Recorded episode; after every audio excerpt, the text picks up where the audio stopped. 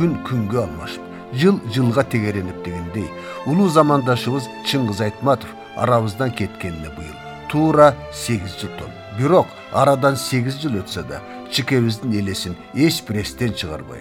Ар жылы декабрдын он экисинде кайда жүрсөк да сөзсүз эскерип айрыкча мектептер менен жогорку окуу жайларда бул күн өзүнчө эле майрам катары белгиленип келатат маселен эртең улуттук илимдер академиясында чыңгыз айтматовдун чыгармачылыгына арналган чоң илимий жыйын өтөт. Ар кандай иш чаралар университеттерде мектептерде сөзсүз болот массалык маалымат каражаттарынын беттеринде эскерилет. Жазуучунун байтик тоосунун этегиндеги үй музейи эртеден кечке каалоочуларга эшигин кенен ачат. Ким да болсо улуу жазуучунун иш кабинетин баскан турган жерлерин көргөнгө элесине таазим эткенге мүмкүнчүлүк алат. Баарынан кызыгы ушул күнү алыкул осмонов дүйнөдөн өтсө дал ушул күнү чыңгыз айтматов жарык дүйнөгө келген экен ошон үчүн он экинчи декабрды кыргыз адабиятынын күнү деп белгилеп жүрөбүз го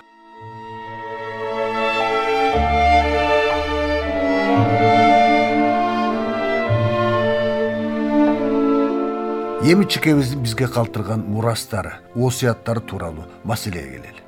Айтса айтпаса чыңгыз айтматов сыяктуу улууларыбыздын айткандарын калтырган мурастарын акыл насааттарын ар дайым эске тутпасак анда эл болуп журт болуп алга өнүгүшүбүз. Кыйын болуп калат эмеспи. Ушундан улам чикебиздин улуттук тарых рухий эс тутум кыргыз тили айрыкча манас тууралуу айткан акылман сөздөрү эске түшөт эгер өсүп келаткан жаштар өз элинин өтмүшүн басып өткөн тарыхый жолун билбесе жакшысы менен жаманын айырмалай албаса анда эч качан мекенчил азаматтардан боло албасын чикебиз далай жолу эскертип келди. Ал эми атактуу кылым карыткан бир күн романындагы маңкурттун образы бул улуу жазуучунун бизге калтырган эскертүүсү. Ошону менен бирге тарых тастыктап кеткен унутулгус сабагы экенин биле жүрүшүбүз керек го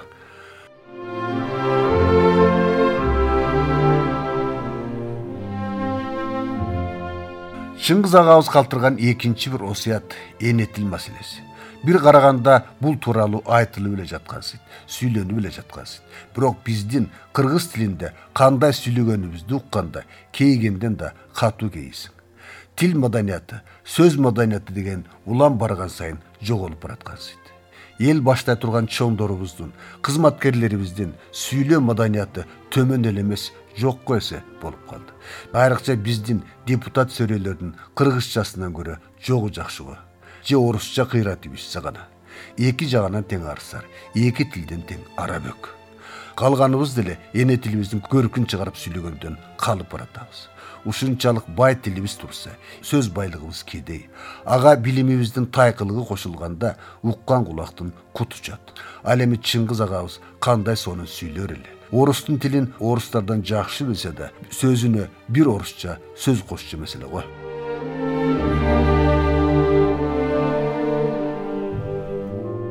Манас маселесине келели азыр эпосубуздун ар кандай варианттарын кат кат кылып чыгармай модага айланды. Жазуучунун баары эле чыңгыз же түгөлбай боло албасын. Айтуучунун баары эле саякбай же сагынбай эмес экенин караманча унутту эптеп бирдеме кимдир бирөө тарабынан жазылып калса эле же үтүр чекитин же маани мазмунун карабай туруп чыгара берчү болдук. Баарынан да ошол кол жазмаларга илимий көз караш редакция аларды саман топондон тазалаш деген жок жыйынтыгында жалган манас көбөйүп чыныгы манастан аалы токомбаев менен кубанычбек маликов редакциялаган. Болот юнусалиев кынаптаган. Кийин чыңгыз айтматов редакциялаган варианттардан кол жууп баратабыз. Ал ортодо манасты соодага жалган атакка коммерцияга айланткысы келген шылуундардын китептери жайнап кетти. Суроо туулат. Чикебиздин осуятын аткарганыбыз ушубу эгер кыргыз тилинде кыйратып сүйлөй албасак манасты болсо ашмалтайга айлантсак анан кантип жүрүп маданиятыбыз өсөт кайдан жүрүп жаштарга таалим тарбия беребиз?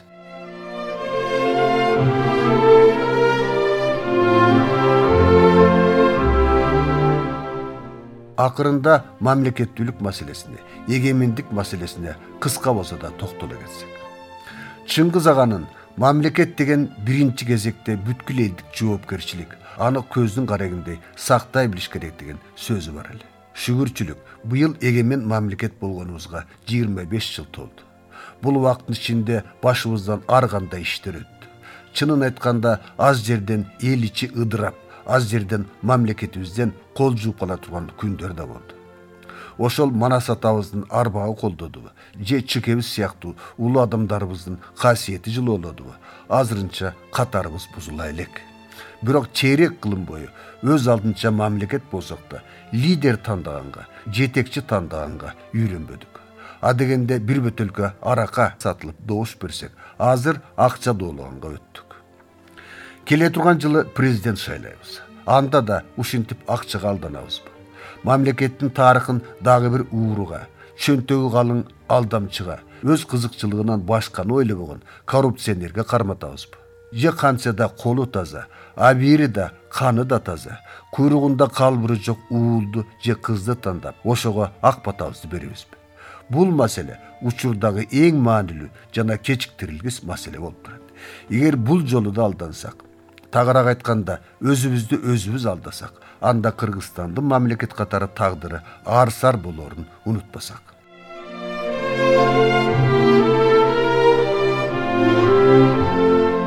Эртең кыргыздын ары менен намысы сыймыгы болгон чыңгыз айтматовдун туулган күнү.